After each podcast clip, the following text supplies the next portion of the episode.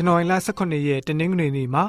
လေ့လာသွားမယ့်ဥပုသ္စာဖြစ်တဲ့ငန်းဆိုင်ခေါင်းစဉ်ကတော့အနာဂတ်စကားပြည့်စုံလာခြင်းဖြစ်ပါတယ်။ဟေရှာအနာဂတ်ကျမ်းခန်းကြီး9အငယ်14ရက်နဲ့16မှာအီမာနွေလရဲ့လက္ခဏာကတော့အခက်မင်းရဲ့အချင်းအကျက်ဘေးကျက်နံကျက်အမှုနဲ့ဆက်နွယ်နေပါတယ်။အီမာနွေလကလေးငယ်ဟာအစားအစာကိုရွေးချယ်စားတော့ခြင်းမရှိမီဟိရှာနာဂရကြံခန်းကြီးခုနှစ်ငယ်16မှာဘယ်လိုမျိုးဖော်ပြထားလဲဆိုတော့ထိုသူငယ်သည်မကောင်းသောအရာကိုမပဲ ကောင်းသောအရာကိုမရွေးမယူတတ်မီ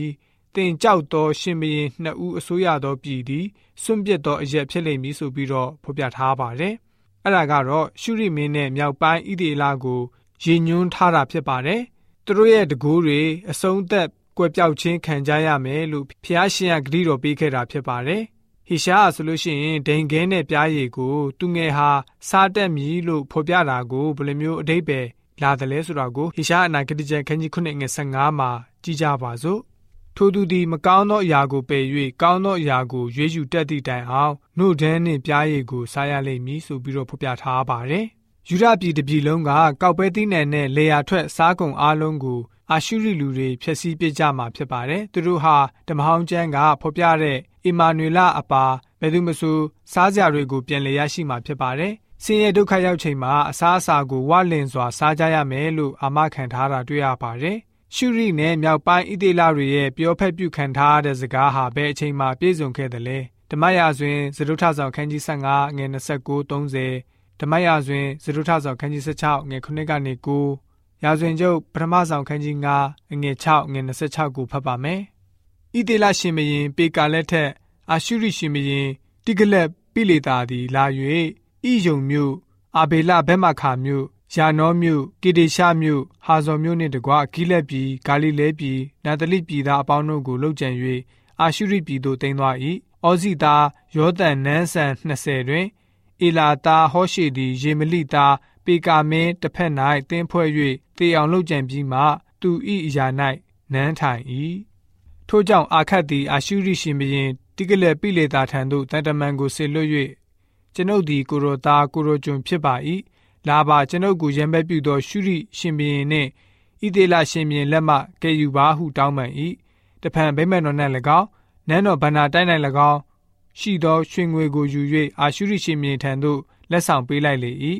အာရှုရိရှင်ဘရင်သည်နားထောင်၍ဓမ္မသက်မြို့သို့စစ်ချီ၍တိုက်ယူပြီးလင်ပြည်သားတို့ကိုကိရမြို့သို့တင်သွား၏ရေစိန်မင်းကိုလည်းတတ်၏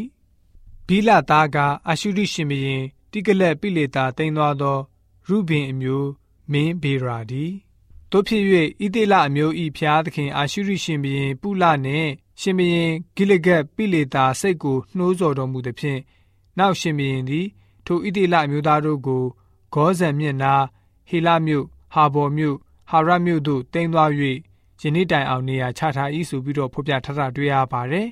ဟေရှာယအနာဂတ်စကားကို BC 934လောက်မှာ ဖော်ပြခြင်းခံခဲ့ရပါတယ်။အခက်မင်းရဲ့လက်ဆောင်တွေကိုလက်ခံရရှိတဲ့တိကလက်ပိလေတာပုလမင်းကြီးဟာရနိုင်သမျှနီလန်းကိုစတင်အသုံးပြုခဲ့ပါတယ်။ဣသေလမြောက်ပိုင်းဒေသကိုစတင်ချီတက်တိုက်ခိုက်ပြီးတော့ဂါလိလဲနယ်နဲ့အနီးချုပ်ဆက်နယ်အားလုံးကိုတင်ပိုက်ပါတော့တယ်။လူဦးရေအချို့ကိုတင်သွင်းပြီးတော့အာရှုရိပိုင်နယ်အဖြစ်သတ်မှတ်လိုက်ပါတယ်။ကျန်ဣသေလနယ်တွေမှာဟောရှေရဲ့လက်ထက်မှာပေကာမင်းကိုမလုကြံမီအထိလုံခြုံခဲ့ရပါတယ်။ လက်နက်ချပြီးအခွန်ဘဏ္ဍာကိုဆက်တာပေးခဲ့ပါတယ်။ BC 933နဲ့932မှာတိကလပိလေတာဟာဓမ္မသက်မြို့ကိုသိမ်းပိုက်ခဲ့ပါတယ်။ဓမ္မသက်ဟာရှုရိရဲ့မြို့တော်ဖြစ်ပါတယ်။အဲဒီနောက်မှာတော့ရှုရိပြည်ကိုအာရှုရိနိုင်ငံရဲ့အစိပ်ပိုင်းပြည်နယ်တစ်ခုအဖြစ်သတ်မှတ်လိုက်ပါတယ်။ဟေရှာယကြိုတင်ဟောထားတဲ့အတိုင်းအတာအချိန်နှစ်တာအတွင်း BC 932မှာရှုရိပြည်နဲ့ဣတိလပြည်နှစ်ပြည်လုံးဟာတိမ့်ပိုက်ခံလိုက်ရပါတော့တယ်။ အခတ်မင်းကိုချင်းချောက်ခဲ့တဲ့မင်းနှစ်ပါးဖြစ်ပါတယ်။နောက်များမကြာမီမှာရှာလမနေဇာမင်းဟာတိကလက်ပိလေတာရဲ့အရေးအရာကို BC 929မှာဆက်ခံခဲ့ပါတယ်။ဟောရှင်မင်းဖြစ်တဲ့ဣသေလရှင်မင်းဟာအာရှုရိကိုနိုင်ငံရေးအရာပုံကံမှုပြုတဲ့အတွက်ကြောင့်ဣသေလတိုင်းပြည်အလုံးအာရှုရိလက်ကိုကြားရောက်သွားပါတယ်။အာရှုရိဟာရှမာရိမြို့တော်ကို BC 922မှာသိမ်းပိုက်ခဲ့ပါတယ်။ဣတိလလူမျိုးအမြောက်များကို မီတောပေါတေမီတိုင်းနဲ့မေဒီတိုင်းကိုယူဆောင်သွားကြပါတယ်။လူမျိုးပါပျောက်ဆုံးရတဲ့အခြေအနေဖြစ်သွားပါတော့တယ်။ဟေရှာအနာဂတိကျမ်းခန်းကြီး9ငယ်8ကိုဖတ်ပါမယ်။ရှုရိပြည်ဤခေါင်းကဓမ္မသက်မြို့ဓမ္မသက်မြို့ဤခေါင်းကရေစိန်မင်းဖြစ်ရ၏အေဖရင်ပြည်ဤခေါင်းကရှမာရိမြို့ရှမာရိမြို့ဤခေါင်းကယေမလိသားဖြစ်ရ၏သို့တော်လည်း65နှစ်အတွင်းတွင်အေဖရီပြည်ကိုပြည်မဖြစ်စေခြင်းကချိုးဖဲ့လိမ့်မည်တင်းတို့သည်မယုံလင်မတီးရကြဟုမိတ်တော်မူဆိုပြီးတော့တွေ့ရပါတယ် အေဖရင်မျိုးဟာနှစ်65နှစ်လူမျိုးတစ်မျိုးအဖြစ်ယက်တည်နိုင်ခြင်းမရှိတော့ပါဘူးယူဒလူမျိုးရဲ့ရန်သူတွေဘယ်လိုမျိုးဖြစ်သွားမှာကိုဖျားရှင်ကျိုးတင်ဖော်ပြဟောကြားထားခဲ့ပါတယ်အဓိကချက်ကတော့အခက်မင်းဟာအာရှုရိကိုမကိုးစားမမီခိုစေဖို့တတိပေးတာဖြစ်ပါတယ်ရှင်ပေတရုဩရစာပထမဆုံးခန်းကြီး1ငယ်73ကနေ25ကိုဖတ်ပါမယ်တို့ဖြစ်၍သင်တို့စိတ်နှလုံးကိုကပန်းစည်း၍ တမာတတိရှိကြလော့ယေရှုခရစ်ပေါ်ထွန်းတော်မူသောအခါသင်တို့စီသို့ရောက်လက်တန်သောဆုကျေးဇူးကိုအဆုံးတိုင်အောင်မျှော်လင့်ကြလော့အထက်ကသင်တို့သည်မှောင်မိုက်ထဲမှကျင့်သောတတ်မှတ်ခြင်းတရားကိုယခုမလိုက်မကျင့်ဘဲနားထောင်တတ်သောသူငယ်ကဲ့သို့ဖြစ်၍သင်တို့ကိုခေါ်တော်မူသောသူသည်တန်ရှင်းတော်မူသည့်ဤသူကြင်ကြံပြုမှုသည်များတို့၌တန်ရှင်းခြင်းရှိကြလော့အကြောင်းမူကားငါသည်တန်ရှင်းတော်မူသောကြောင့်သင်တို့သည်လည်းတန်ရှင်းခြင်းရှိကြလော့ဟုကျမ်းစာလာသည် လူမျက်နာကိုမငဲ့ခတ်သိမ်းသောသူတို့၏အကျင့်အတိုင်းဆင်တော်မူသောခမဲတော်ကိုသင်တို့သည်ဆူတောင်းကိုးကွယ်လင်ဧည့်သည်ဖြစ်စဉ်ကာလပတ်လုံးကြောက်ရွံ့သောစိတ်နှင့်ကျင့်နေကြလော့မိစဉ်ဖားဆက်ကျင်လေသောအချင်းနှင်းကြည်ကြံပြုမှုခြင်းမှရွှေငွေအစရှိသောဖောက်ပြန်ပျက်စီးတတ်သောဥစ္စာနှင့်သင်တို့ကိုရွေးတော်မူသည်မဟုတ်အဘယ်အပြစ်မျှမရှိအငြိကျင်းနှင့်ကင်းစင်သောတိုးတငယ်ကဲ့သို့သောခရစ်တော်၏အသွေးတော်မြတ်နှင့်ရွေးတော်မူသည်ကိုသိမှတ်ကြလော့ထိုခရစ်တော်က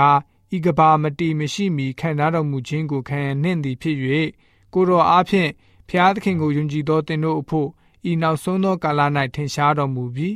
သင်တို့သည်ဖျားသခင်ကိုထောက်လက်ယုံကြည်ခြင်းမျှော်လင့်ခြင်းရှိစေခြင်းက